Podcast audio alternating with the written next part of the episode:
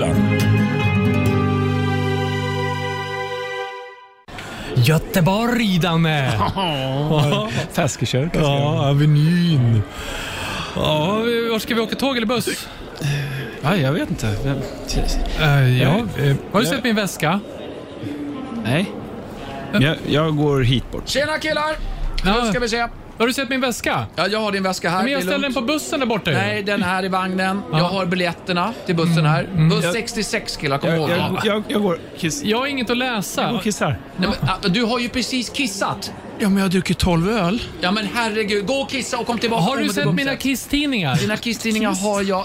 Ah, tyst Danne, tyst Danne. Jag har dina kisstidningar i väskan. Men bo, hotell? Jag har inte bokat Men det är hotell. ingen fara, jag har ordnat det här. Det är min roll. Jag har fixat hotell, men bussen går om sex minuter. Ja, men jag Vi måste, ha, på. jag måste ha mat med mig. Nej. Jag, jag går och beställer pizza. Nej, men vänta, kom tillbaka här nu. Ah, Danne, Danne! Vad är Anders?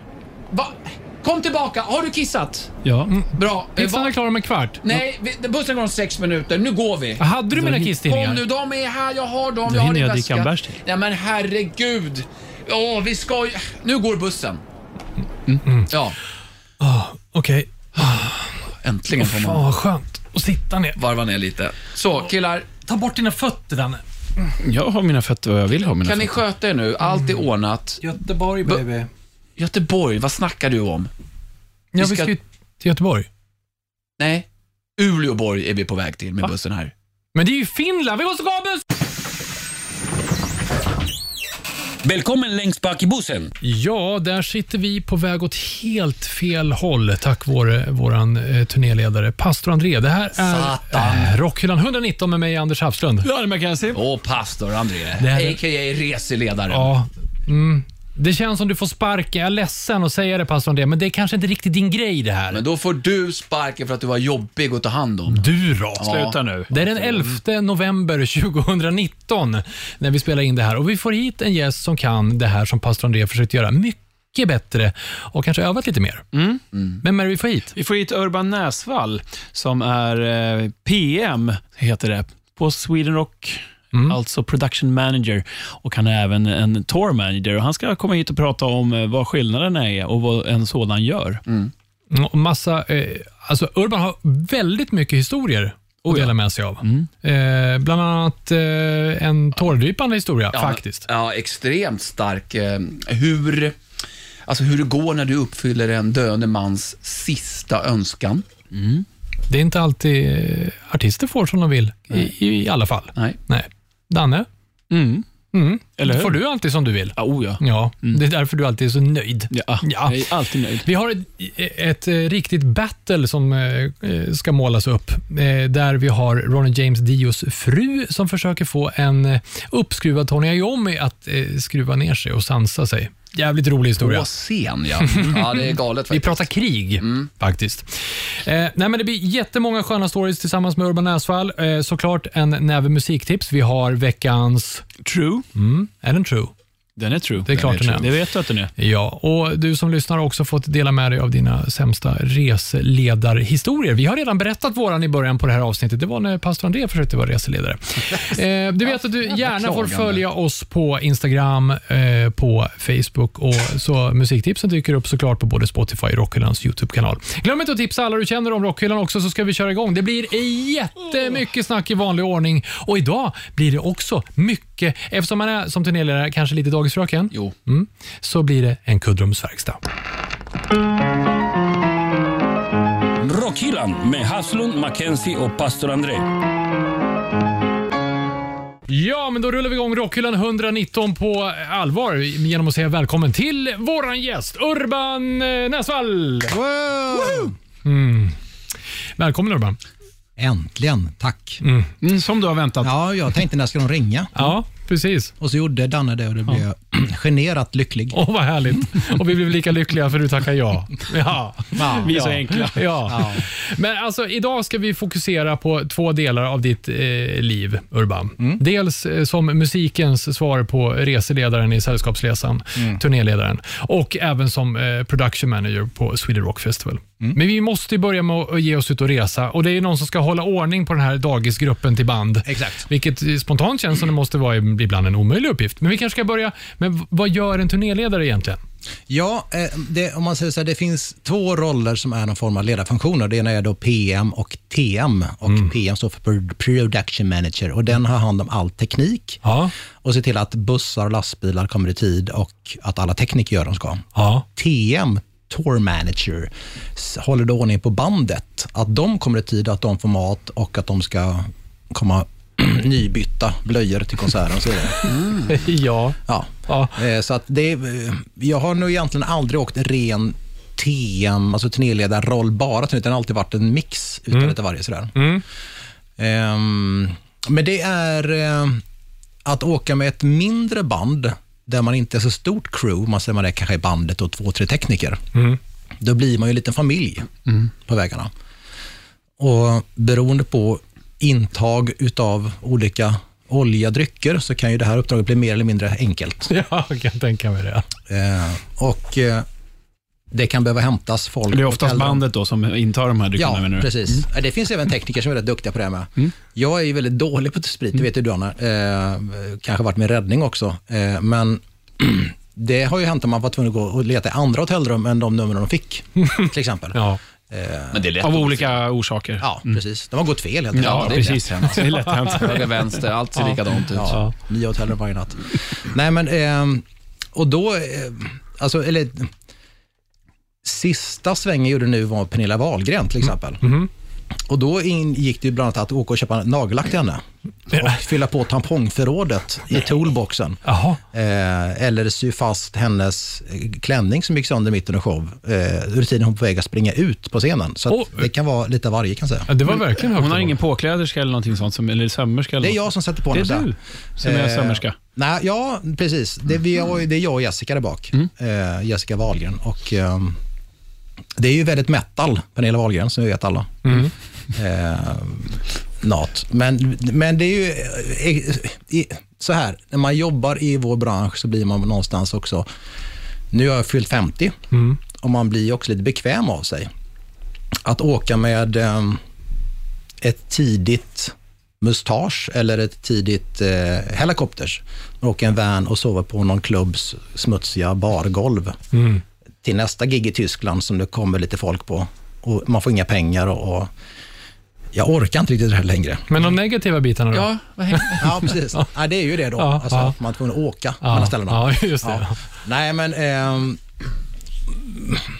mycket får folk komma i tid. Ja, men inte boka, det är inte, som turnémanager så, så bokar man inte hotellen och planerar upp. Utan Jo. det är, okej, det gör det beror på, också. Så här, det beror på vem som är arrangör och vem som är promotor. Mm.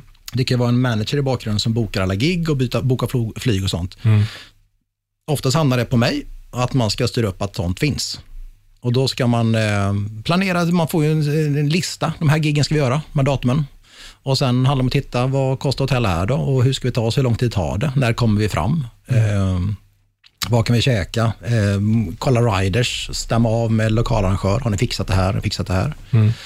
Eh, och sen är det väldigt gig beroende på vad det är för band. En del är extremt kräsna och en del bryr sig inte. Liksom. Men lite det jag tänker på, så här, det- i det här jobbet känns det som att det finns alla möjligheter i världen att få alla emot sig, eh, om det inte går bra. Både bandet, beroende på perfektionistnivån, eller stället man kommer till. Mm. Jag läste en intervju, jag som är lite kissnörd, mm, eh, läste eh, om... Um, dagens understatement. jag läste, läste om eh, Tommy Thayer. Mm. Ja, eh, jag tror det var ni- 97, jag var tvungen att skriva det på en fusklapp Förlåt, någonstans. jag, jag hoppar in här. Mm. Kiss de sminkade farbröderna. Anders statement. Kan vi fortsätta? Ja. Mm. 97, Tommy Thayer fick kliva in som assisterande eh, turnéledare för Kiss då. Och Tommy Thayer spelar nu gitarr i Kiss. Ja, och tillägga. se- se- Det är en cool resa får man säga. Ja, det är ja, det. kan man ju säga. Från att ha hjälpt till att måla Paul Stanleys hus till Så att... någonting gjorde han väl rätt? Ja, ja visst. Till att eh, sätta ihop deras såna här fotografier inför någon sån här coffee table-bok och så uppåt, uppåt, uppåt. Liksom. Men han har ju jobbat på. Eh, och inte slarvat bort det där. Men i alla fall, då klev han in, klev han in och eh, det var nog ganska mycket krav. För Gene och Paul framförallt var ju perfektionister. Och eh, Då fick han ju frågan, så här, måste man inte vara lite av ett asshole för att kunna eh, vara en bra turnéledare? Alltså att folk blir lite rädda. Så här, oh, oh shit, nu är det bäst att vi gör det här rätt. Det finns två, eh, eh, det är precis exakt så som du uttrycker det, att det finns två läger. Mm. Jag har ju väldigt svårt för att bli sådär arg. Mm. För att jag hoppas och tror att folk gör sitt yttersta. Och det handlar ju väldigt mycket om kommunikationen innan. Eh, om man då tar mitt andra yrke som PM för Sweden Rock så är det ju just det, kommunikationen innan som avgör om det blir kul eller en dålig dag på jobbet. Production manager. Ja, precis. Och då, kommer, då sitter jag på festivalen, men, men det är ju flera gånger som jag kommer till en festival som turnéledare eller produktionsledare med ett band. Och allting det här startar ju långt tidigare, två månader tidigare, e-mail, e-mail liksom sådär. Och börjar man den här e-mailtråden med en positiv glad ton och vad kul att vi får komma, vi ser så mycket fram emot det här, vi har hört så mycket gott om er, åh vad ni verkar härliga, herregud vad skoj vi ska ha det, vilken underbar dag. Om, sa jag att det kommer bli kul? Eh, och det där får ju folk på rätt bra eh, Ja, men så här, de får bra feeling.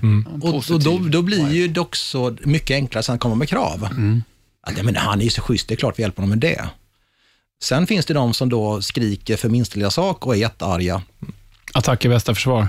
Ja, lite Man så. Och det, det, jag tror det var mer så förr, att man var, skulle vara arg som TM eller PM. Och det finns rätt många sådana i branschen fortfarande som är arga. Mr Simmons kommer bli ordentligt missnöjd och köpa upp hela, hela hotellkedjan och lägga ner den. Ja, typ så. Och det är klart att det finns artister som är uppe i den nivån. När gjorde Maroon 5-turnén så var ju Adam Lambert i bra humör ibland. Och ibland var han inte så bra humör och då ställer han in ett gig. Det står liksom 85 000 pers, han bara, "Jag har ingenting lust att spela då. Och det kostar inte hur många miljoner i Seoul, nej i Daegu i Korea. Det hände. Ja, det bara, här är lite sträckt i nacken, jag har ingen lust att sjunga idag. Fick du ta det snacket med honom också då, eller? Nej, utan då fick ju deras Fast han sjunger inte i Maroon 5, va? Jo. Adam Lambert. Nej, förlåt, Adam Ja, Levin. Levin. Ja. Queen. Ja. Ja, just det. Adam Levin, förlåt. Ja, just det. Ehm, men det blir mycket hassel runt omkring att styra med då, när saker och ting blir uppskjutet och förändrat. Ehm, så att, men men som sagt, att, att det finns de som är jättearga och tror att de vinner någonting på det. Min erfarenhet är ju att du får alla emot dig. Ja. Du får ingenting gratis. Utan du får kriga in till sista sekund och det, det, det är ett tråkigt liv. Eller också är du positiv och glad och försöker bara, hallå kompisar, här är vi, vad kul vi ska ha idag. Och plötsligt får du folk med dig. Och jag tror det jag har vunnit på i mitt yrke är att man är positiv och så här kärleksfull, kommer med en öppen famn. Kom och ge mig en kram, det första man gör. Och bara, "Ja, okej. Och vips så har man en helt annan attityd och stämning. Så- Jag tror på det också. Helt klart. Det känns som att du skulle kunna vara en fotbollsdomare. Eh, Alla vill följa din pipa, så att säga, fast ingen tycker att du gör rätt. Va? Eh, Jag hade, jag hade en Det liknelse kändes här. bra när du tänkte, eller? Här pratade jag innan jag tänkte. Ja. Vi kan gå Men det vidare. är som jag brukar säga, varför ska man, man torkas ju inte före man skiter.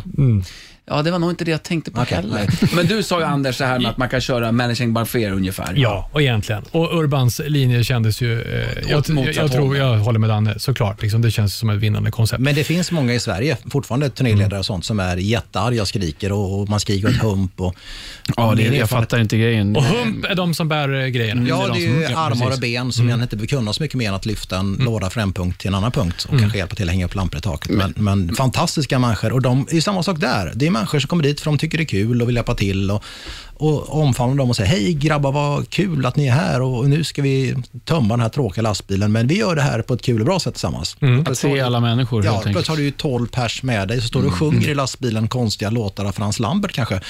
Eh, och vips så tänker man, vad är det för en tokgök som är chef? Han verkar helt dum i huvudet, fast på ett kul sätt. Och då slappnar folk av och plötsligt har du ju tio människor som är med och hjälper dig på vad du vill. Säger du, skulle kunna hjälpa mig med det här. Jajamensan, du har tio personer står på rad med uppsträckta armar och säger, jag vill hjälpa till. För att ha mött dem på rätt sätt. Och det tror jag inte bara i vår bransch, det gäller väl allting i livet. Oh, ja. Är du positiv och kärleksfull med öppen famn så kommer väl folk också känna att jag är Garanterat. sedd. Det är som att vara en chef eller en ledare. Ja, En ledare vill man ju vara för att det, kan man, det följer arbetarna. En chef bara dikterar hur du ska göra och så vill man inte göra det extra. Bra sagt, pastor André. Vi, kanske ska, vi kanske ska ta lite musik där. Nu när du fick ihop det där så bra och vi landade lite positivt i slutändan. Så ska vi ta, eh, ska vi ta lite musik då? Behövs det bikt alltså? Jag vet inte.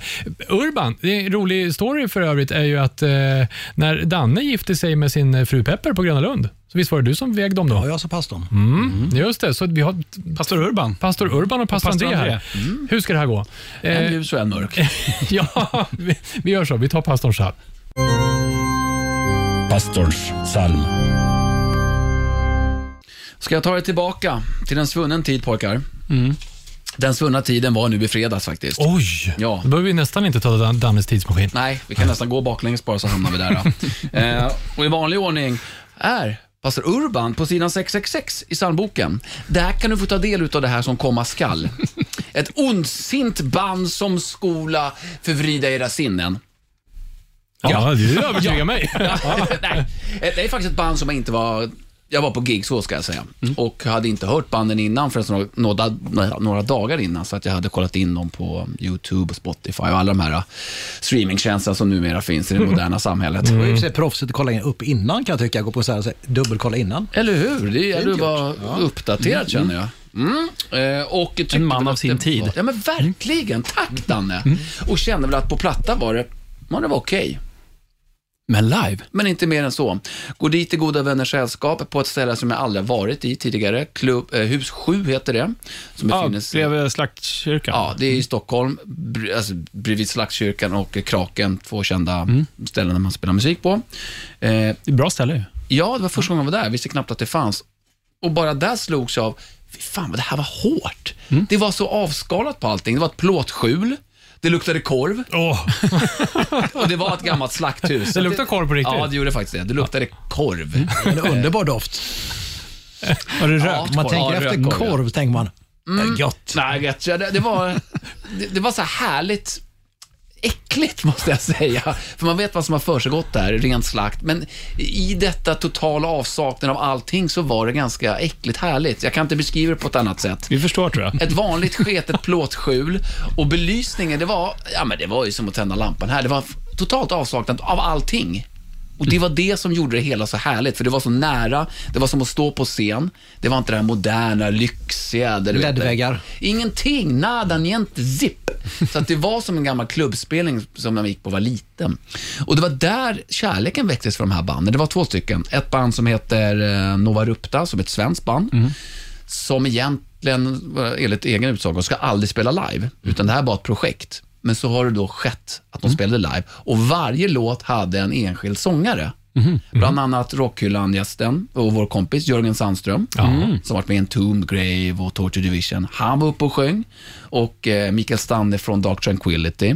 Så det var superroligt att se det här svenska bandet eh, gå upp och lira. Och det var tight och det var, det var otroligt bra. Hade inte en aning om bandet innan. Eh, och sen kommer det amerikanska bandet Inter Arma, som då mig veteligen inte var kända hos mig. Eh, förrän jag hade lyssnat på dem. Och de gick upp och tok röjde. Det var så jävla skönt. Och igen, total avsaknad av allt. Inget ljus, ingen lyx. Det var raka motsatsen till glam. Och ändå så var det en sån befrielse. Det var så skönt att få ta del utav det här. Ingenting. Bara musik. Och det är temposkillnader alltså, i musiken. Väldigt doomigt. Jag har faktiskt skrivit upp här vad de går ungefär om man ska sätta en genre på dem. Eh, som jag inte är bekant med. Southern Black Sludge and Post Metal. Post metal. Eh, och det låter så här Ja, så att vi ska få de en delar ut lite brev samtidigt. Jaha, jag tänkte att de låg Post, efter. alltså. Nej, fan tekniken Anders. Jaha, oj, oj, oj. Är det jag som inte har kopplat in sladden? Det, det, här, det här händer ju varje avsnitt. Att du antingen live-scrollar eller... Och jag vet inte varför vi har satt just pastor Andreas som, som, eh, som Det är för att sladden inte här. räng- räcker längre. Ja, det är därför det. Okej, men nu... Långsamt, träligt, men ändå brutalt och hårt. Här får jag lite Morbid Angel-vibbar i början.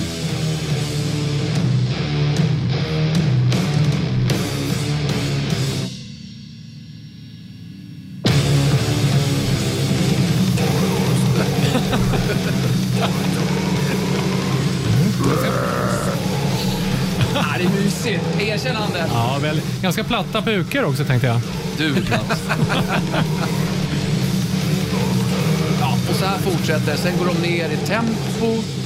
Och sången kan ändras radikalt också till att bli nästan till rensång. Och det här var de i Interarma. Ja, inte det arma ja. Eh, så vad vill säga om själva spelningen, det var, Det bästa du sett. nej långt ifrån, men det var otroligt bra för det fanns, det var inte uppbyggd på eh, rekvisita, det var inte uppbyggt på ljus, ingenting. Det var bara musiken som fick liksom tala. Vad hette låten? Den här, det ska jag tala om för. An Archer in the Emptiness. Okej. Jag undrar, förutom folköl i baren serverade de korv också? Det, det behövdes inte, det var bara att lukta längs med plåtväggarna. Och du vet, bara lukta. Ja. Eh, självklart Anders finns den här på Spotify och vi kommer även lägga upp det i Rockhyllans YouTube-kanal. Duktig du. Rockhyllan med Haslund, Mackenzie och pastor André. Ja, det här är Rockhyllan 119 med mig, Anders Hafslund. Danne McKenzie. Och pastor André. Och vår gäst. Urban Ösvall! Vi är kvar i livet som eh, turnémanager. Ja. Eller turnéledare på svenska. Ja. Kanske. Eh, alltså lite, det är, vi vill ju alltid höra när det går bra eller dåligt. Eller exempel ur, ur livet. Ja. Har, det måste ju ha hänt hur mycket som helst om du har varit runt halva jordklotet Nej, men det, alltså det, dels har vi de artister att göra och de kan ju vara fantastiska på att spela musik. Många andra delar i livet fungerar sådär. Ja. Till exempel när man ska åka till eh, Japan om man har varit på ambassaden och ansökt visum. Det är väldigt kul, därför då tar de en bild och sen klipper de ut ansiktet precis som man ser ut som en munk, utan frisyr. Och sen- Ambassaden alltså? Eller? Ja, precis. Då får man en bild på tillbaka på sig själv som sitter i passet där man ser väldigt tjock ut. För den bara ut en exakt rund ring. Väldigt kul. Eh, och sen ska vi åka då och eh, så ringer sångaren i ett band och bara, ja du, eh, kolla en grej, ska man med sig pass till Japan eller? Eh, Vi har ju varit på ambassaden Ja. två gånger, vad är problemet? Liksom. Det kan vara väldigt, väldigt konstiga små saker som händer. Så här, ja, vi ska åka till Japan, vi behöver ha med oss pass, det är korrekt. Eh, Pappa, pappa. Pappa. Ja, exakt. Ehm, och, men, men det blir också, ville han då inte ta med sig passet för att den här bilden var så ful? ja det kan ha varit så kanske, man vet inte. Men, men, eh, och, och det, oftast är det ju så att jag är ju själv musiker, tyck, eller trummis sådär, från början. Men, men en del är ju magiska på sina instrument, men inget annat i livet funkar egentligen. Eh, och Det kan finnas en viss autistisk ådra i det hela som just är fenomenal musikant, men ingenting annat lirar. Och Det kan bli rätt komiskt. Men sen kan det vara sån grej, vi var i Shanghai och spelade och, och kom in på hotellet och ska äta mat. Och det är, man kan äta eh, sköldpadda till exempel. Det är en bild på sköldpadda som är helstekt, ska man knäcka skalet. Alltså det är så konstiga grejer man ska försöka reda ut. Nej, vi vill kanske bara ha någon smörgås, kanske hellre. Jag vet inte. Knäckebröd. ja, ehm, Men det måste, jag tänker just på det här lite som eh, dagisbarn kan man tänka ibland, eller Mötley Crüe när de var som värst. Så här. Var är Tommy? Nu är Nicky här. Ja, men här är Vince. Alltså att man, just som du säger, man är bra på att lira och kanske festa också. Ja. Och bara försvinna och få ihop alla. Vi hade en eh, turné med ett band som heter Dirt Loops och var i eh, Japan och eh, de hade en låt som heter I will die for you. Och det där kom ju Toyota på att vi ska nu göra en, en eh, reklamfilm för vår nya bil som- där de sjunger I will drive for you, så gör de låten lite. Och då skulle de göra en video med Jonas Åkerlund och det var allt, helikoptrar, det var liksom, det skulle åka den här bilen, ingen av killarna har körkort såklart. Så de skulle sitta i en bil på en släpvagn, och det ska vara världens budget. De ska då träffa den här eh, de fyra cheferna på Toyota när vi spelar på Monster Live i Yokohama. Eh, varvid trummisen basisten som är då i 30-årsåldern, men är som 12-åringar i huvudet, har gått in rakt över gatan och köpt två stycken vatten i såna här bazookas. Och det är typ 38 grader varmt och 99% luftfukt, så det rinner om en fullkomligt. Men du vill vara i ett tält med aircondition så fort du kan. Och eh, de springer kring och har vattenkrig backstage. Då. Det finns rätt, både rätt mycket ström och framförallt mycket artister som kommer i väldigt fina scenklädsel. Och de leker kombatkrig och rullar på rygg mellan olika containrar och, så här och skjuter varandra. Och eh, skivbolagsdirektören Hajime säger eh, “Please shape up, soon bosses Toyota will come. Please shape up.” Och de bara “Yeah, yeah, whatever” och fortsätter lägga krig. Och in rullar en kolonn med eh, fyra stycken limousiner och det kom ut väldigt stiliga män i kostym. Och de här två basisterna och trummisen ställer sig på knä i kombatställning framför och siktar sina vattengevär. Nej. Och eh, där försvann deras eh, videodeal. Det blev ingenting. Nej. Så gör man inte med chefer i Japan. Nej, det var märkligt. Det gör man inte, vad konstiga de är. Oh, vi hade, det är ju just nu i radiostudio och det var en liknande erfarenhet vi hade. Trummisen är väldigt busig i det här bandet och vi... eh, Ja, det är så att i Japan det är väldigt vanligt att man har någon assistent med på de här resorna vi gör. Till exempel åker runt i radio så har morgonshower, tv och radio och sånt. Och då är det en kille som springer till nästa dörr och öppnar dörr i lång korridorer. Och sen står han och väntar och bugar för varje som går igenom. Och sen springer han förbi hela gänget till nästa dörr och håller upp den igen. Och det är hans jobb. Och då tycker ju trummisen att det här verkar kul. Så han börjar ju springa Nej. Uff är snabbare än honom och springer förbi och öppnar dörren för honom och tycker att det är kul att nu öppnar jag dörren för dig. Och han tappar ansiktet totalt, för det var det sämsta du kunde göra. För nu hade han pajat hans jobb. Det enda han skulle göra var att öppna dörren och det lyckades inte han med. Så han var helt förstörd den här killen resten av dagen. Nej. Så att ja, det kan vara som att vara dagispappa ibland och hålla ordning på Ja. pojken. Bara, grabbar snälla, bara skärp. Kan vi bara tona ner lite och bara försöka vara lite, lite mogna? Rör ingenting, gör ingenting. Följ Ingen bara spring. med. Nej, Ja. gör som jag gör. Ja, sen nej, men det, det, det har hänt skojiga saker och det, även kan det vara såna grejer som vi... I USA är ju union laws, alltså de här fackföreningslagarna är helt jättekonstiga. Ehm, det är ju ett land, men varje delstat är ju som ett land. Det. Eh, så till exempel när du kommer till New York så... Eh, Får man göra en grej. Ja, precis. Och så när man kommer till, till Colorado till exempel, så kommer man dit och så öppnar man liksom, eh, släpvagnen med alla instrument och allting sånt och så kommer ut en man och skriker bara, nej, nej, rör ingenting, rör ingenting. Va? Förlåt, eh, vi, ska, vi ska spela in det. Nej, rör ingenting. Du måste vänta till, till humpet kommer då, så stage hands som ska hjälpa till att bära. Och ja, men jag ska bara öppna och bara ta ut lite grejer. Bara, Nej, jag får inte röra någonting. Så att deras jobb, eller deras lag i den staten säger att de får vi får inte göra någonting. De- ska bära in grejerna upp och sedan öppna alla lådor. Sen får jag lyfta ur saker ur caserna. Och sen en annan, annan delstat, där står de bara och tittar och undrar varför inte jag gör någonting. Så att det, är, det är mycket att hålla ordning på om man reser runt i världen. Och, Men, ja, det måste vara försäkringar och allt möjligt som Ja, är byggt kring det där säkert. ja, visst.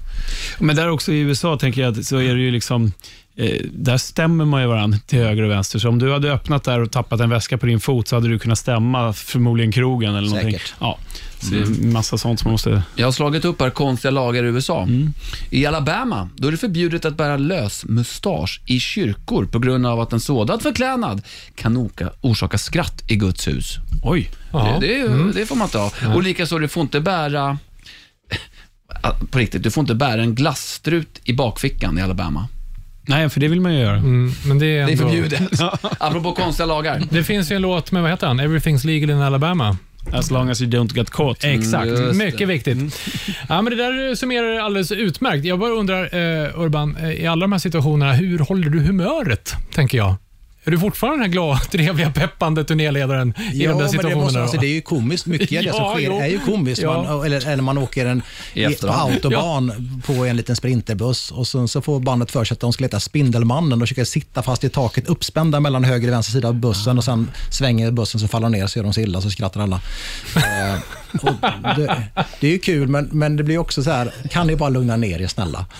Eh, och ibland blir man så här, "Ah, jag orkar inte. Eh, men för det mesta så går det bra. Jag vet ju själv när man åker med barnen i baksätet. exakt Till slut så brister det och så bara vrålar man en osammanhängande ramsa bak och så sitter de som ljus i 30 sekunder och sen leker de Ja, Spindelmannen igen. det är mm, faktiskt precis Det är ingen så skillnad. det kan vara att vara turnéledare ibland. Mycket så här 1001, 1002, 1003. Precis. Men, men många gånger blir det att man, när man väl sen ser gigget, Mm. så kan det bli så här, shit, respekt, de här killarna vet precis vad de gör och det är coolt. Liksom. Mm. Och folk skriker och det är långa rader med folk som autografer, så någonting rätt gör de ju. Men Mm. sen så är det ingen som vet om hur de beter sig däremellan. Men det är väl därför du finns? Ja, Ja. det är... är Eller din roll ja, i det här fallet? Ja, så är det ju. Ja. Eh, lite dags för lite musik på det här innan vi ska prata om hur det är att vara production manager på Sweden Rock Festival. Vad säger du pastor Andreas? Ska vi köra någonting, någon trudelutt? Ja, du sitter och tänker. Nej, men vi kör eh, Anders albumspår. Vad tror du om det? Ja, Mm, tack. Anders albumspår. Hörni, det här bandet har faktiskt varit med i rockhyllan eh, tidigare. då vet jag. Ja, då från deras andra platta som heter Lightning at the Door. Just det. Madrugada. Mm, nej, inte bara Nej. Men det lät så här då. Det lät så här.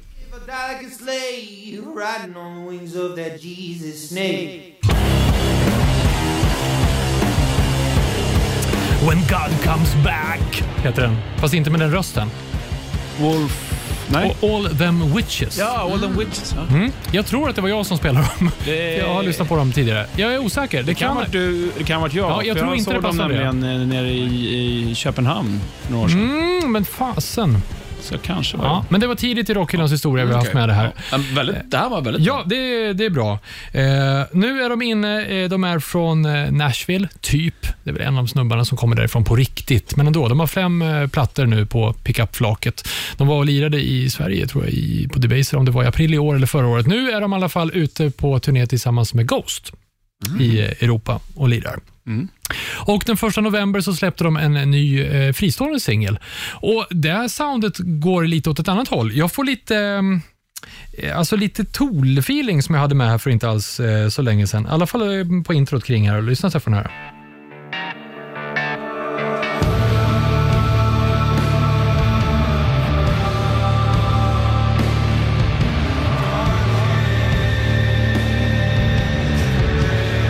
Lite annan vibb. Skönt. De släppte, släppte en platta som hette ATW, alltså All the Witches, förra året. Va? Det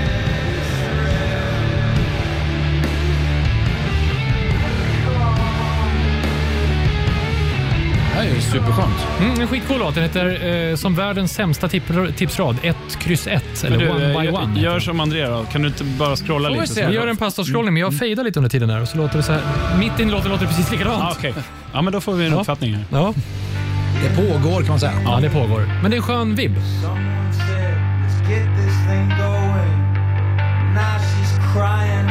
Så jag tänkte vi slår ett slag för All Them Witches igen, som numera är en trio efter att de sparkade eller blev av med sin keyboardist och sen eh, den andra, så killen som tog över också lirade bara ett år tror jag. Så nu kör de vidare som trio. Keyboardist. Det är ändå töntigt med keyboard. Men, eh, Just det, säger ex-syntaren, pastor Andrea. ja. Precis. Ja. Nej, men så jag lägger upp den, One by One eller 1 kryss 1 med eh, All Them Witches lägger vi på både Spotify och Rockhyllans YouTube-kanal. Rockhyllan. Det låter som Bob Dylan. Ja, vi rullar vidare med Rockhyllan 119, Urban Näsvall eh, som gäst. Och nu ska vi gå in till lite andra delar av ditt liv som eh, production manager på Sweden Rock Festival. Vad innebär det att vara production manager? Du var inne på det lite grann, men Ja. ta, ta det igen. Ja, mitt eh, jobb är ju att eh, Martin Forsman och Kalle Blomgren som bokar banden, de bestämmer sig för att de här blir tuffa band att ha i år. Och så kommer det Excelblad till mig med en lista med band och så står det ett e-mailadress och telefonnummer till någon som är kontaktperson.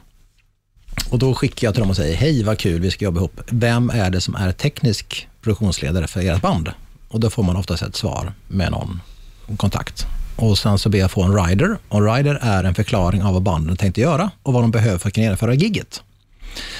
Eh, när man väl har då bokat ett band som har bestämt att det här bandet får den här summan pengar och i det ingår det hotell eller inte hotell. Det ingår kanske instrument eller inte instrument och sådär. Och då måste jag förhålla mig till det som jag har skrivit på kontraktet, för mitt jobb är att lösa problemen. Så att eh, ett band har fått en deal och det där kontraktet måste då läsa igenom och se vad står det, vad, vad är överenskommet med den som har sålt gigget. Och den som har sålt gigget är ju sällan bandmedlemmarna eller de som står på scenen som tekniker, utan det är oftast en, eh, en manager som tycker att Sweden Rock är viktigt. Här ska vi spela. Eh, och Sweden Rock är en viktig festival för många band. Eh, sådär. Och eh, då får jag den här riden där de står att de vill ha, de kommer med en turnébuss. Till den vill de ha en 32 amperes handske med ström så att de har aircondition under dagen. Det står att de behöver ha ett Tama trumset kanske. Och så vill de ha gitarrstärkare och så vill de ha de här lamporna och så vill de ha bomber, granater och ja, allt de ska. Och mitt uppdrag är att lösa de här sakerna. Eh, Det är inte alltid säkert att de får allting, för det avgör ju kontraktet då om de ska få de här grejerna. För deras rider kan innehålla vad som helst, men vårt kontrakt är det som avgör egentligen om de får det eller inte. Och Det kan vara allt från liksom mig hem som säger att de ska ha fyra liter napalm. De kan ju bränna ner hela Sölvesborg med fyra, fyra liter napalm. Kan få en deciliter, säger jag då. Sen får man hålla på och deala med det här. Då. Ja. Eh, De kommer ju till Stockholm här i slutet av månaden ska vi säga också. Ja. För lira. Och, ehm, men, men det är egentligen att lösa tekniska problem och då är det allt ifrån ett litet band spelar rockklassikertältet som aldrig i princip har spelat live kanske. Sådär. Och försöka förklara att ni, ja, ni kanske inte ska ha med er, liksom, er dator och köra backtracks från, för att då kanske den slutar spela mitt under giget, det blir tyst, vi har, ni har bara 20 minuter gigtid. Och förklara vad är en rider? Men vi har inget, vad är det för något? Jag måste ha en kanallista, jag måste ha en inputlist. Liksom. Och, ja, vad är det då? Och då får man skicka kanske till dem. Ja, det är det här. Till att vi gör Kiss eller mm, ja, Maiden där allting är solklart. Och då är det andra saker att de ska hänga upp, eh, som Maiden skulle hänga upp 48 ton skrot i taket. 48 ton. Ja. Och då måste du dels ha en scen som kan bära 48 ton i taket. så att inte skiten faller ner i huvudet. Mm. Och sen ska vi då se till att, att det är oftast tre band innan dem också. Mm. Och så har de massa skit byggt på scenen med massa dekor och grejer. Ska vi få plats, då kan vi ha fyra meter kvar. Ska vi plats med tre band innan dem på de här fyra metrarna. Mm.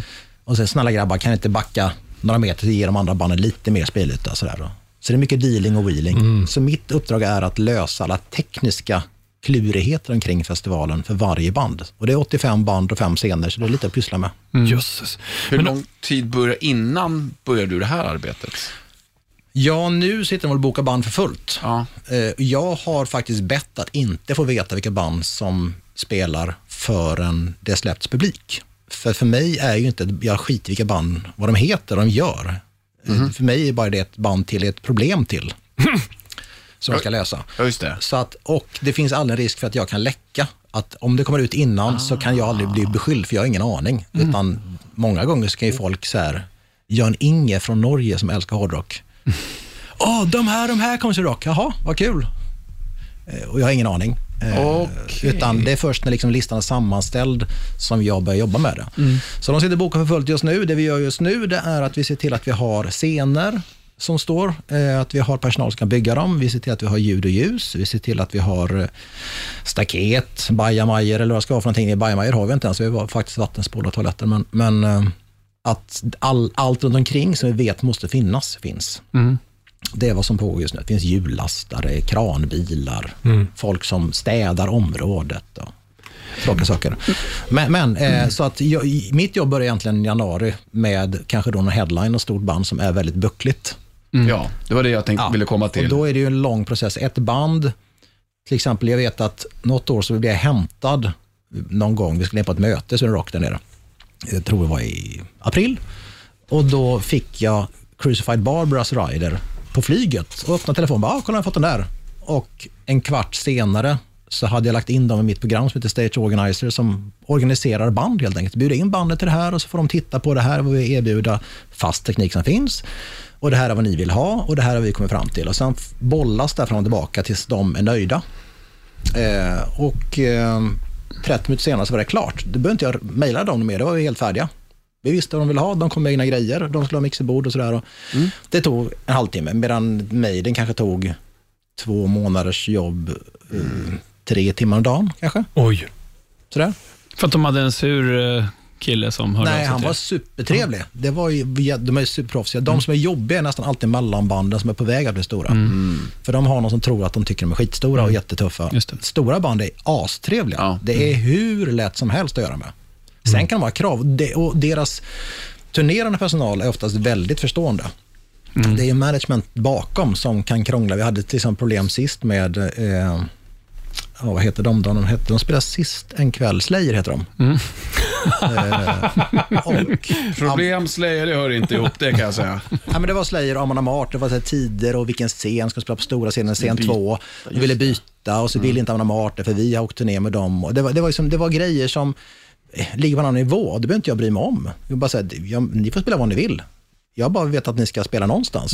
Så det får de lösa ett nivå högre upp. Mm, okej. Och, och det kan ju vara grejer som ligger tillbaka långt i tiden, gruff mellan band, att de där ska vi aldrig hjälpa åt, för det är något som har hänt dem emellan. På någon Ja, men ofta som du säger är det- på managernivå, så banden vet inte ens om att det här händer. De, nej, de bryr sig sällan. Banden i sig, men nej, men de vill bara spela. Ja. Och så här, vad, är, vad är min gitarr? Ja. Alltså, de är ju världens enklaste människor. Utan det är managers, managers som är oftast är the assholes, som är buckliga att göra med. Ja. Men när de kommer med 48, alltså jag tänker 48 ton skrot som du sa, eh, och jag tänker med de här stora banden med en stor budget, ha med sig väldigt mycket prylar. Det blir inte jättemånga gränsytor som ska passas in. Det ska vara konstiga fästen och passformer och grejer och sånt där. Jo, och vikter och, och, och framförallt ska vara säkert också, att inte saker och ting faller ner. De här taken är ju oftast byggda med en, en konstruktion i taket med zigzag-mönster av järn i taket. Och Då kan det vara så här att ja, ni kan hänga det här, men måste flytta den här trossen en halv meter längre fram, då är det görbart.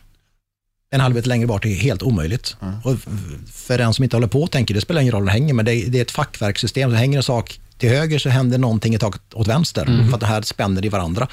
Och det där kan ju inte jag alltihop, utan jag har ju folk som är duktiga på det här, räknare som ingenjörer. Utan mitt jobb är ju att se till att det funkar, eller när Judas Priest kommer och säger att vi ska ha laser, jaha, jag kan ingenting om laserstrålar liksom. Så här. Ring Luke Skywalker, säger Ja, du. precis. Nej, men så får man liksom ta fram det dokumentet och skicka över vad ni har. Så får jag en lista, det här är vårt laser.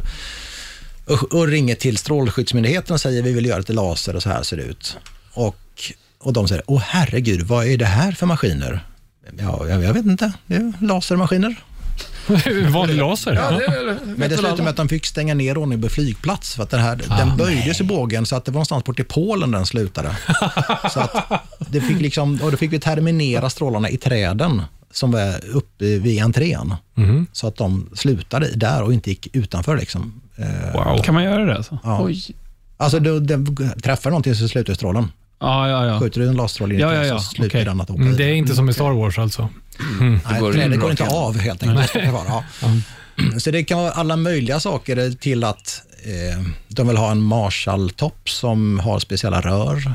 Eller, Ja, just det. ja. Men vet du, har du några eh, data över hur stor scenen är? Den största scenen? Har, ja. Hur stor är den? Jättestor. Ja, hur stor? Eh, den är eh, 50 meter bred 50 meter. och sen är den 26 meter djup Mm. och sen är den eh, 12, 14 meter hög. Och Maiden skulle ha 48 ton, Ton. skrot. Vad var det för skrot de hade?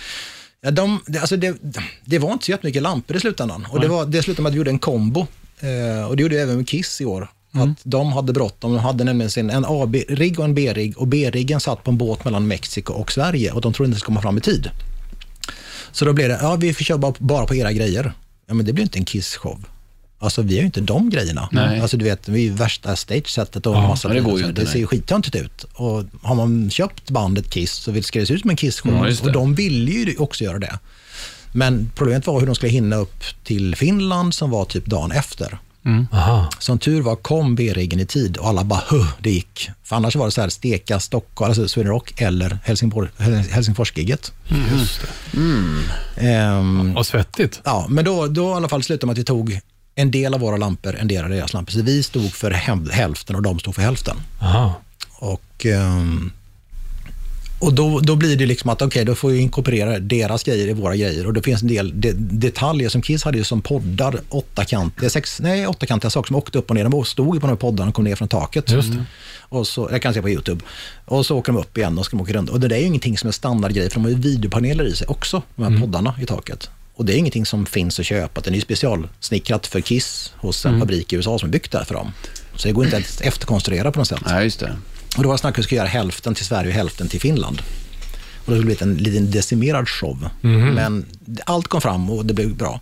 Vad det gäller eh, Maiden så var det faktiskt så att de hade ju handmålade backdrops, alltså den stora svarta tyger bak som är handmålade modell eh, gamla kyrkomålningar med oljefärger på tyger som satt i en gammal dekorbana ifrån en teater i England. Och den järngrejen som då, då sprang det folk på golvet med de här tygerna när det skulle byta scen. Så sprang det folk jättefort med de här tygerna och så byt, blev det plötsligt någonting ny design. Riktig teaterkuliss. liksom. Och den vägde, tror jag, sex ton, den där järnbalken. Oj! Som de här vagnarna ha stora hjul och järnvagnar. Och det så var, gjorde att det blev så himla tungt bak till i scen. För det kan ju också vara så att du har jättelätt fram och jättetungt bak, eller vice versa. Och då måste man distribuera ut vikten hit och dit. Så att, ja, det, är- det är Då får man ställa bandet längst fram då. Ja, precis. Så att Ja. det blir Som jämvikt. en motvikt, ja. Alltså, upp sig. hur kul är ditt jobb? Nej, men jag sitter ju oftast hemma med en dator och mejlar folk. Det är inte sexigare än så. Ja, Och sen väl på plats får du lösa alla problem? Ja, och, och, eller så här. Jag har gjort ett bra jobb om jag kan gå omkring och ha mysigt på stan. Att För allt redan är all- fixat. Då har allting redan planerat. Alla tekniker, alla scenchefer vet vad de ska göra. När kommer banden? Det kommer ett band klockan sju på morgonen. Men ta till exempel ett vanligt dygn för mig på Sun Rock. Så börjar jag, eh, vi säger att första dagen började klockan 11, get in. Då är uppe vid åtta kanske, släpper in första bandet. Eh, då har oftast headline kommit kvällen innan och byggt. Vid åtta på kvällen. Byggt upp allt sitt ljus och allting sånt så det är klart. Och sen då spelar de på kvällen. Och de är klara vid 12-1. Sen ska det rivas och ner i lastbilarna igen. Kanske det är en 16-17 lastbilar som allt ska packas ut i. Och då har jag oftast typ 80-90 stagehands eller hump, armar och ben. Så jag hjälper till att knuffa ut casearna och, och packa ihop där. Och då är man klar vid tre och halv fyra kommer nästa band som ska spela headline nästa dag. Så har man en halvtimme på sig att, Ja, att rensa så scenen blir ren och fin. Ja. Och oftast har de kommit redan vid 12 och så med lastbil och bara, kan vi komma in snart? Och bara väntar. Ja, och står och härligt. stressar. Lång väntan. Och sen kommer de och sen så får man en, eh, en natt av att bygga upp allting nytt. Och så kommer oftast deras PM in som är samma sak som jag, fast en turnerande PM. Jag är ju lokal PM. Mm. Välkomnar dem och så går man och sätter sig fikat med dem och kollar igenom så att vi har allting och sådär. Så sätter igång och bygga och jobba. Och sen går solen upp och måsarna kommer in över området och börjar äta allt gött som ligger på backen. Och du har 2000 måsar och det är soluppgång. Och eh, sen kommer det in 200 människor med kratter och krattar hela området. Och allt det här pågår en tid vi bygger på scenen. Och framåt 6-7 på morgonen så ser man att nu står alla instrument uppe och sådär. Och det börjar se ut som en scen. Och framåt eh, 8-9 ska de soundchecka. Och då brukar en del bli arga i tälten för att börja låta starkt från scenen. Eh, och eh, vid 10 kommer första bandet som ska spela på scenen innan de här då. Och då måste vi hunnit backa bak första bandet innan Just det och rensat scenen så de får plats. Och då brukar jag gå och lägga mig typ vid 10 på morgonen och så sover jag fram till 12. Och Två, sen, två timmar. ja, i genomsnitt per natt. Det är Sen ganska tufft. Ja, Ja, men det går bra. du får sova jag har en jättebra espresso- espressomaskin på kontoret. Så. Ja. Koffeinstiss hela tiden. Men du har väl några sköna stories eh, att berätta vad som har hänt under årens gång också, kan jag tänka mig. Ja, men en kul... Ja, men det måste Men, vi, vi ta om en stund. det. Ja, det är bara kul att säga att du berättar allt. Ja. Alltså, vi hade Martin Forsman då som, var, som är bandbokare och Mm. för detta vice VD för Sweden Rock. Vad var det? I juni släppte vi det avsnittet Ja, va? ja. och berättade lite hur det funkar, hur hans roll. Och så nu länkas det ihop med din roll. Mm. Precis, man en så jag och. Martin jobbar ju väldigt tajt upp. Vi mejlar och ringer varandra hela dagarna för att reda ut vad han bestämt, Ja. så jag sen kan göra det han har bestämt. Men en grej innan vi går vidare och pratar om lite saker som har hänt då. Eh, bara för att knyta ihop det här med attityden som eh, turnémanager Mm. och attityden man har som eh, production manager. Mm. Hur skiljer det sig? Mm.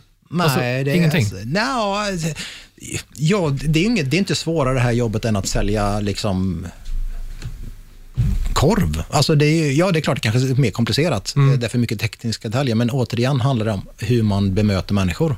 Mm. Och Jag tror på det gamla uttrycket som en, en viss klok man som hette Jesus sa, att behandla andra som du själv vill bli behandlad. Mm.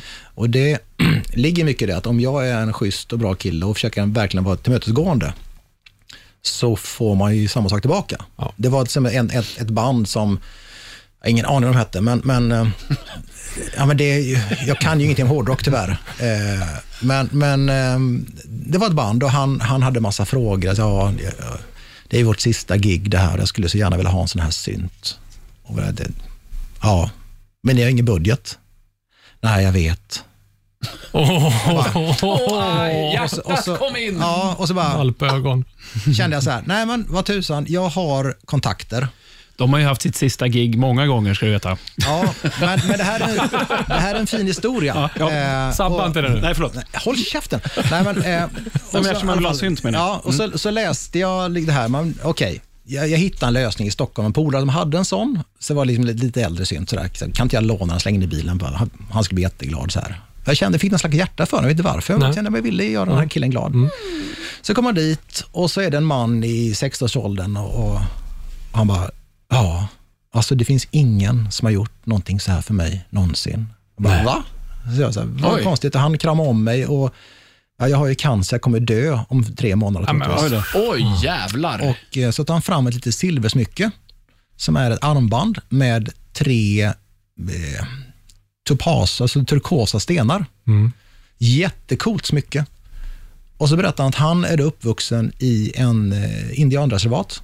Och hans morfar var den som var den största i den här liksom, indianstammen att göra de här silversmyckena. Och han lärde upp den här grabben då att göra silversmycken också. Och han fick det armbandet av sin morfar som en sista present innan han dog.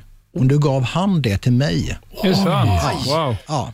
Och det var en synt. Och jag ville bara, jag kände men klart jag ska hjälpa dem. Jag kan hjälpa dem så långt jag kan. Det vill jag hjälpa människor.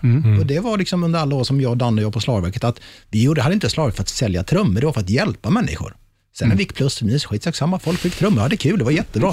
Och, och någonstans så tror jag att hjälpa människor, i grund och botten ha välviljan och tro gott om människor. Och så plötsligt får man det här, liksom, jag stod bara och grät. Vi stod och grät och kramades på scenen. Liksom, och den här, ja, tack för allt, det här är mitt sista gig och jag är så sjukt tacksam för att få göra på sin Rock. Det här är så stort, tyckte han då. Och det var ju jättekul. Och det kom, jag tittade på det bara för några dagar sedan och bara, shit liksom. Han är borta, men jag har det här. Det här är stort, det här är stort på riktigt. Ja, det är coolt. Ja, det man ju gåshud. Mm, mycket. Kärlek, kärlek på riktigt. Ja, det var kärlek. Och det eh, sätter vi punkt för den här avdelningen med det där. Det går inte liksom att, det går Nej, att toppa det. Så vi tar lite musik. Säg som eh, Mackenzies skivback. Har du någonting i den idag? Det kan du haja. just det. Mackenzies freeback. Jo, men i alla fall. Utan att sticka ut hakan för mycket så vågar väl jag påstå att jag är en av de tre här inne som går mest i skivbutik. Eh, ja, och spanar skivbutiker. Va? Eller? Mm, jo, men det, det stämmer nog. Ja. Eh, ja, pastorn är ju mest ute på skogspromenader med sin eh, välkända tepåse i fickan. Letar eh, kvistar för att hitta sina fina loggor som man ska göra hemma. Och eh, Anders han hjälper ju butiksdöden på traven genom att beställa sina vinyler på nätet. Han beställt många, bestämt, bestämt sagt flera gånger. Mm. Så att, men jag då, då, som går runt här på stan Jag, och jag, tittar in i lite butiker här och var. Jag kan få ganska mycket tips faktiskt. Och ibland när man går in i en affär så är det någon trevlig låt som spelas. Som den här gången när jag gick på Pet Sounds. Har ni varit där någon gång? Ja, oh, ja. Men det har ni i alla fall. Ja, ja. Jag har inte köpt något. Jag går och tittar och sen beställer jag det på nätet när jag kommer hem. Quentin Tarantinos favoritbutik. Faktiskt, enligt utsago. Ja, han har snackat om den i eh, intervjuer. Säger att Pet Sounds in Stockholm, the best store ever.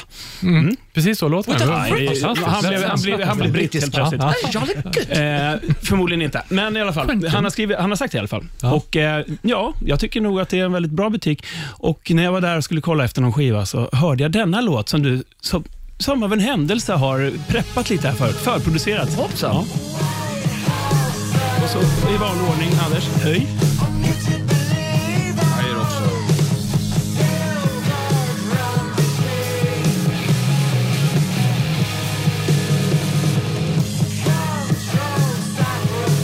Otroligt svårt att sätta ett årtal på det här kände jag spontant. Ja. Men det är nytt. Jag ser det från i år. Ja, från, ja precis. Från i år.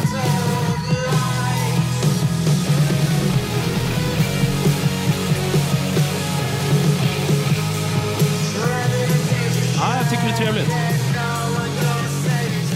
Ett Ja, band... Sportigt. Ja, sportigt. sportigt. Ett band som eh, heter Black Mountain. Och de är från Kanada. Vancouver närmare beställt, bestämt. Och, eh, de bildades eh, 2004 och sedan dess har de eh, slängt ut fem plattor, varav den senaste Destroyer släpptes nu tidigare i år. Bra namn. Mm, eller hur? Och Det är lite så här, eh, ja ni hör ju, det är svårt att sätta ett årtal på, men det är ju då i Ja, år som ja. de har släppt det. här. Men det är ju lite så här 70-talsdoftande. Jag tycker det är trevligt. Vad hette låten? Den heter Future Shades. Utan S. Future Shade. Jag sa ju det. Mm, det sa du.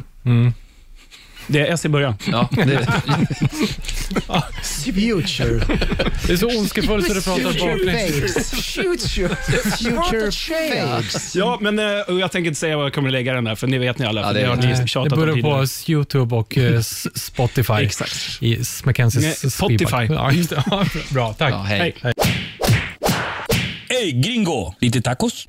Ja, tack. Det skulle sitta fint. Det här är Rockhyllan 119 med mig, Anders Hafslund. Danne McKenzie. Och pastor André. Och våran gäst. Turban Träsvarv. Ja, det var slöjdlärare. Var, vi inte, var du inte production manager? Ja, förlåt. nyss? Ja, det det är den rollen vi ska prata om idag. Eh, vi har ju fått ta del av några fantastiska historier, men det måste ju ha hänt ännu mer grejer på Sweden men Rock. det, är- det är ju, man- ja, det är korrekt. Mm. Saker som är konstiga. Ja, Eh, det gillar vi. Ja, eh, Aerosmith ville ha ett kök.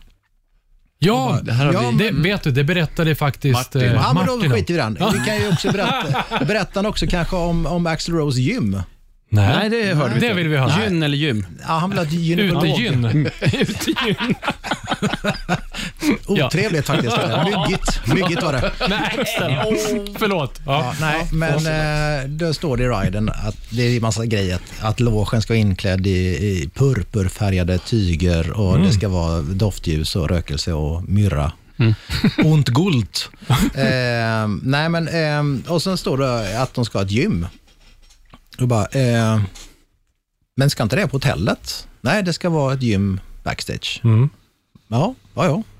Så vi åker till ett gym i Sölvesborg på massa maskiner och grejer och sätter upp ett partytält. Eller det, är såna- det hela backstageområdet är ju, man säger vita byggbodar som är pimpade, lite finare. Mm. och så får varje band ett litet compound som det heter. Och då står det fyra sådana här eller sex i en fyrkant och i mitten är det ett tält. Och då har varje band en sån liten compound med fyra till sex vagnar som de har ansvar, eller som var i så. Och i mitten sitter oftast deras PM och ekonomigubbarna och mejlar och sånt. Och så har banden sina grejer. Då byggde vi upp ett sånt här tält till och la in ett trägolv, ställde in palmer massa maskiner. Det var liksom roddmaskin och hantlar och grejer. Jättefint och de är superfint. Belysning och... Speglar? Nej, jag tror inte... Ja, jo, det var spegel faktiskt. Ja. Viktigt. Och sen så kom ju Axl Rose då lite sent gigget. Nej, det Ja. tror jag inte på. Och så kom han till sin loge. Vi visste ju inte när han skulle på scenen för han gör som han vill. Och alla bara, men vad är det för fel på karln? Det är gigdags nu. Så går han bort till gymmet och tittar. That looks awesome. Så gick han upp på scenen. Så kunde vi riva. Nej! Ja, Det är fantastiskt. ju, är ju skoj. Ja. Men han tyckte i alla fall att det såg Ja, awesome han, ut. han, vi fick uppskattning, det fick vi verkligen. Vad så det skönt. kändes ju bra. Ja. ja, det var härligt att höra. Nej, men så det finns en, en annan kul historia faktiskt, som jag tycker är bland de roligaste historierna. Det är Rock Weekend som fanns uppe i eh, Det var i Kilafors. Kilafors. Precis.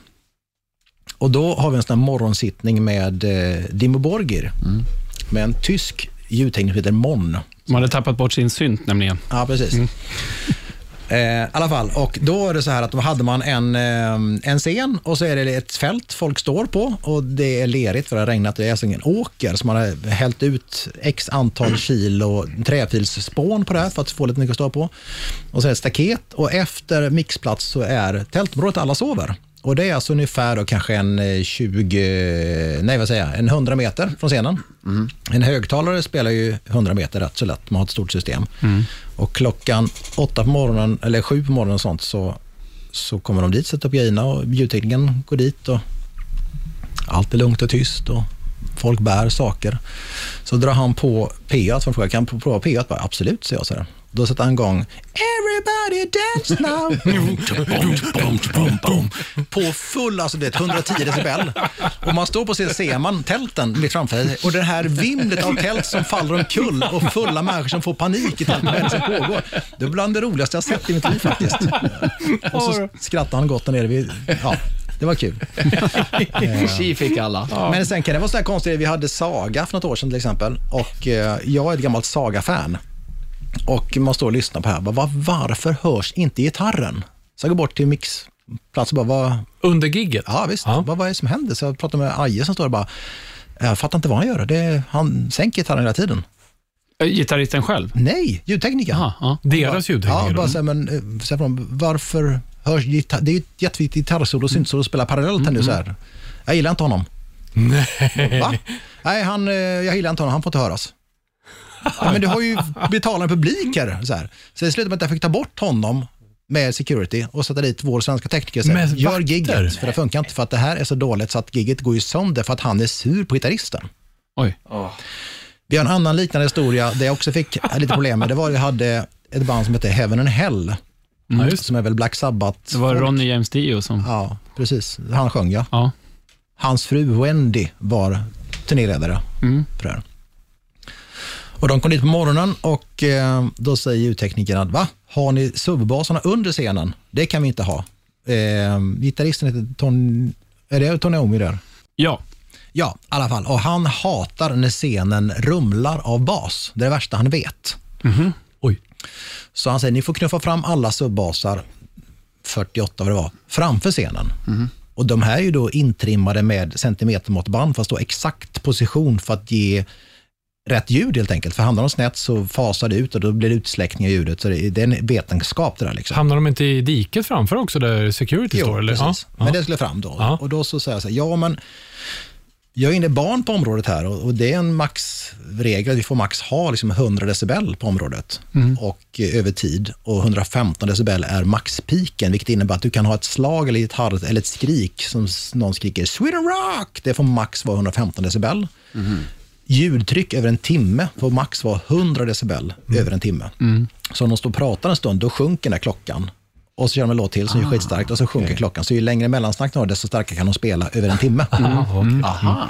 Och det sitter, då- vi har ett företag som heter Soundcops som går runt på alla scener, sitter mätare med display och varje scen har en så, här så att de kan följa hur ligger jag till. Nu får jag backa lite så jag kan gasa på slutet. Ah, okej. Ljudtryck över en timme. Okej. Och Soundcops är då polisen som ser till att det sköts. Men de är ljudtekniker, kan hjälpa dem. Vi, vi är här för att hjälpa er. Men vi får böter. Går det över så är det 50 000 kronor per övergång. Oj. Oj. Oj då. Och vi trackar det här och Är, skickar det- in. är det alltså festivalen som får böta då? Ja, och det är alltså Socialstyrelsen som böter oss. Och De har ju, vi är tvungna att skicka in listorna, datalistorna, exakt hur stark decibel är det på varje scen under hela festivalen. Och det ser man ju exakt hur det har sett ut. Liksom. Och får man en peak som är 120 decibel så kan man hävda att ja, men precis just då så ser vi att här är någon som står och skriker allt den orkar precis vid mikrofonen för någon slår sig. Eller, ja, det är inte ljud från scenen, så man kan liksom, det spelas in så man kan höra vad det är som låter så starkt. Oj, loggas allt liksom så? Allt loggas. Ja, allting loggas på alla ställen.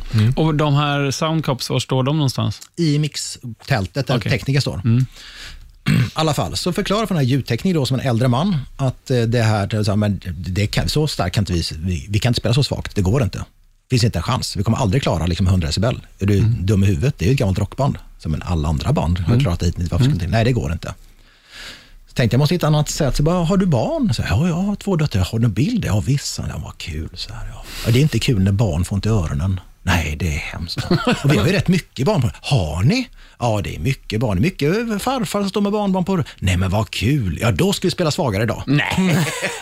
och så fick vi honom rätt snabbt att vända sig. Så det är mycket det här i psykologi, att få folk med sig. Använda rätt retorik helt enkelt. Precis. Och i alla fall, och så börjar gigget då. Och då visar det sig att den här gitarristen Tony Omi har ju fått för sig att idag har jag feeling, så han drar upp sin gitarrstärkare så att från scenen så har vi 130 decibel bara gitarr utan att det ens är med i PA. Det är bara från scenen. Hans gitarrstärkare spelar 130 decibel Jäklar. i mixplats. Det är så starkt så det är helt sjukt. Så jag får på komradion, kom till Front of House fort som ögat. Så jag springer till honom och bara, vad är det som händer? Ah, det är that fucking guitar player. Och så visar han liksom att gitarren är nere och ändå har vi 130 decibel liksom på gitarren. Så jag springer upp bakom scenen, får tag på Wendy. Eh, sångaren hette Ronny James, Ronny James Dio. W- Wendy Dio. Och säger till henne att du måste be gitarrtecken skruva ner gitarren, för det här är för starkt. Och det är 50 000 kronor böter varje gång det är över. Och det kommer faktureras er. Och ni är nu kanske uppe i en 300 000 just nu. Så hon älgar ju upp på scenen, den här rödhåriga, bystiga damen och säger till gitarrticken på, skar- på skarpen att nu skruvar ner. Och bara, my boss wanted this high. Eller så loud. Så att, så att han pekar på gitarristen, som är Tony Omi, och jag tänker inte skruva ner för då får jag sparken. Och han vill ha så starkt. Och då så står hon och skriker på Tony Omi och bara, kom hit, du måste sänka. Han ger henne fingret. Och så pågår det här och då inser ju, jag springer till ljudtekniker igen, jag vet inte vad vi ska göra liksom. Och um, då säger teknikern då att, ja, jag kommer få den här böten för jag är ljudtekniker, jag kommer skylla på mig. Så nu tänker han ge igen. Så han har bara elbas och bastrumma i P1. Det ska rumla så mycket som möjligt. Så det pågår ett krig mellan Tony Iommi och ljudteknikern. Och det låter förskräckligt. Alltså efter halva giget har helt publiken gått, för det lät så fruktansvärt illa. Det var bara bas och kick i P1 och sen jättemycket gitarr och så lite sång på det då. Det lät inte klokt. Och efter den tillställ, det som hände, så skrev vi in kontraktet att vi har rätt att flytta på ljudtekniken och göra drastiska åtgärder om de inte följer våra regler. Aha. Och sen den dagen kan jag gå in och säga, nu bryter vi här, det här funkar inte. Och det finns så många gånger vi fått band spela på en Four Soundstage som säger att men vi har med en egen tekniker. Ja, kanon. Och så inser man att de har ingen aning vad de gör. Det börjar bra för att inställningen från förra bandet är kvar. och så blir det värre och värre och värre. Till slut bara, det här går inte att lyssna på längre. Och då brukar någon ringa från scenen på min kameradio, Urban, kom hit och lös problemet. Och då får man prata med honom, du, det här går inte så bra va? Det här låter konstigt. Ja, ska vi kanske låta pinnen göra det här istället? Ja, okej. Så. Och många är ödmjuka för att inse att de gjort bort sig. Ja. Men det är ju ingen kul när liksom hela publiken står och vänder sig mot mixplatsen och vad är det som pågår där inne. För det gör man ju till slut och står och längre upp. Liksom. och, och, det, och vi har ju ett ansvar mot våra kunder. Vi har ju kunder som har köpt en dyr biljett Ja, just det. och så vill de eh, se ett band och så låter det inte klokt. Så där Nej. måste vi liksom se till att behålla en kvalitet. Så mitt jobb innan är ju att se till att förproduktionen funkar, att alla band får de vill ha och att de eh, blir tillgodosedda de behoven och så långt det är möjligt enligt kontraktet att lösa det. Under festivalen är det egentligen mer att se till att allting går som är planerat. Så mitt jobb när väl festivalen är igång är bara att se till att alla sköter sig. Eh, och det, vi har jätteduktiga tekniker, fantastiska tekniker, men, men det blir Eh, då blir det mer att gå runt och säga hej på folk och, och Mm. få lira. Så att det, Ja. Men på scen, hör man inte då att det är dåligt ljud, som i det här fallet med Heaven and Hell? Nej, men det kan ju vara monitorer som står och spelar jättestarkt. Vi hade till exempel Dream Theater, det var väldigt kul. De har såna in-ear, vilket innebär att de har hörlurar. Så att deras ljud som de själva hör på är hörlurar. Och det var säkert jättestarkt. De hade även då högtalare på scen som spelar in så de får det här subknuffet. Men deras mixerbord, digitalmixerbord, väljer att reboota mitt i alltihopa. Så det blir tvärtyst. Vad är rebo- bara... Det innebär att som en dator, att den stänger av sig själv för att nu vill jag starta om mig. För någonting har gått fel i programvaran. Okej. Så det blir jättetyst. Det märker inte bandet, de står och headbangar och lirar som tusan. Det är knäpptyst. Det ser jättedumt ut, det är knäpptyst. Man hör lite trummor, pup, pup, trummor akustiskt från scenen. Långt, långt där borta. Och de bara yeah, det är så himla fett och bra. Wow! Och jag hör inte ett ljud liksom. Och så tar det 30 sekunder så blup, poppar allting igång- igång igen. Och det är också en, en kul grej när, när bandet inte märker det. Och de tycker det här är ett kanongig liksom. Det är tvärtyst ut. Det är som silent disco, man ser folk dansa. fast- Ja, Mm, det har vi dansat. Det har vi gjort, ja. Mm. Fantastiska stories Urban. Eh, tack för det. Vi, eh, vi, ska, vi ska gå från det här eh, krigandet och eh, haverierna till, till någonting som vi försöker hylla som är bra, eller hur Danne? Ja, Det det är som vi brukar säga, va? Promote, what, promote what's great and not what you hate. bra. Vi kör Bra där. veckans True.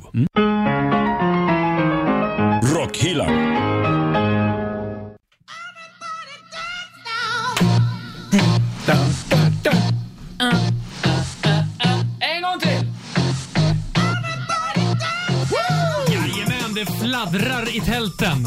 Klockan sju på morgonen. Vilken väckning. Danne McKenzie. ja, veckans tro har vi kommit fram till.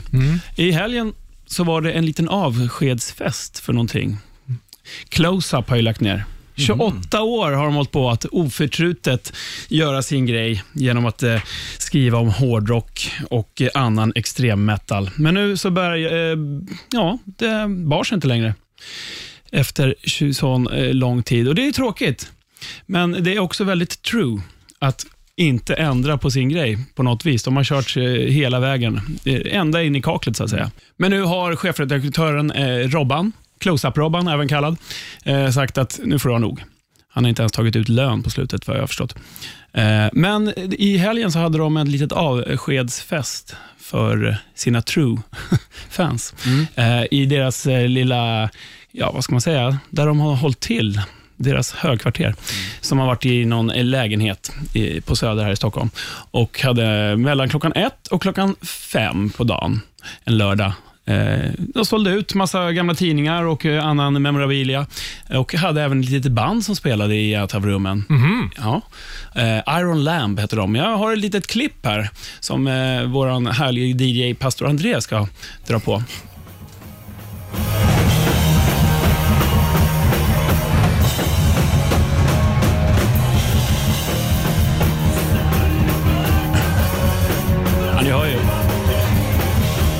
Matinéspelning. Ja, det är lite nedspelning.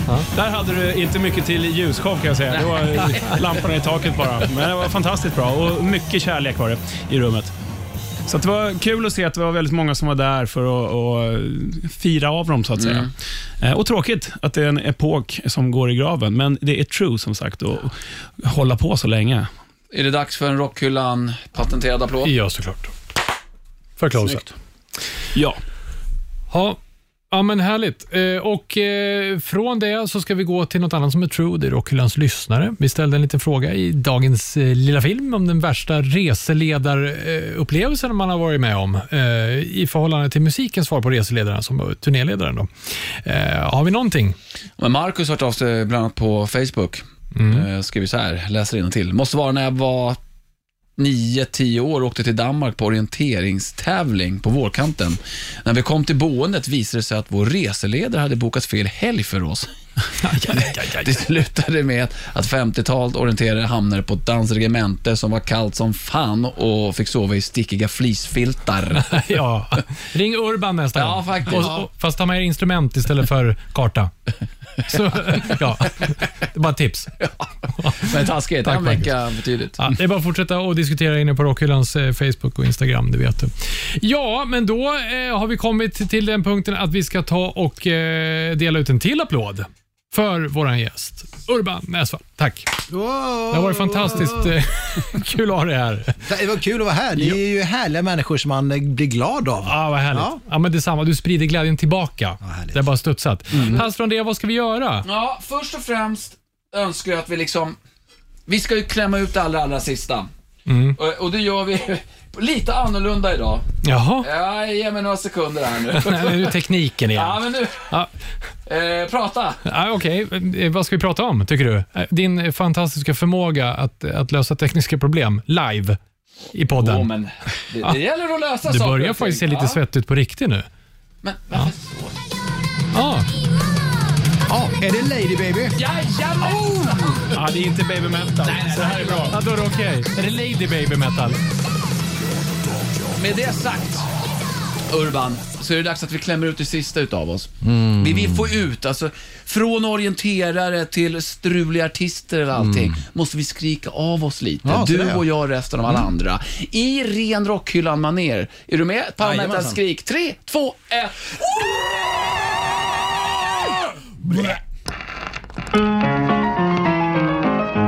Rockhyllan med Haslund, Mackenzie och pastor André.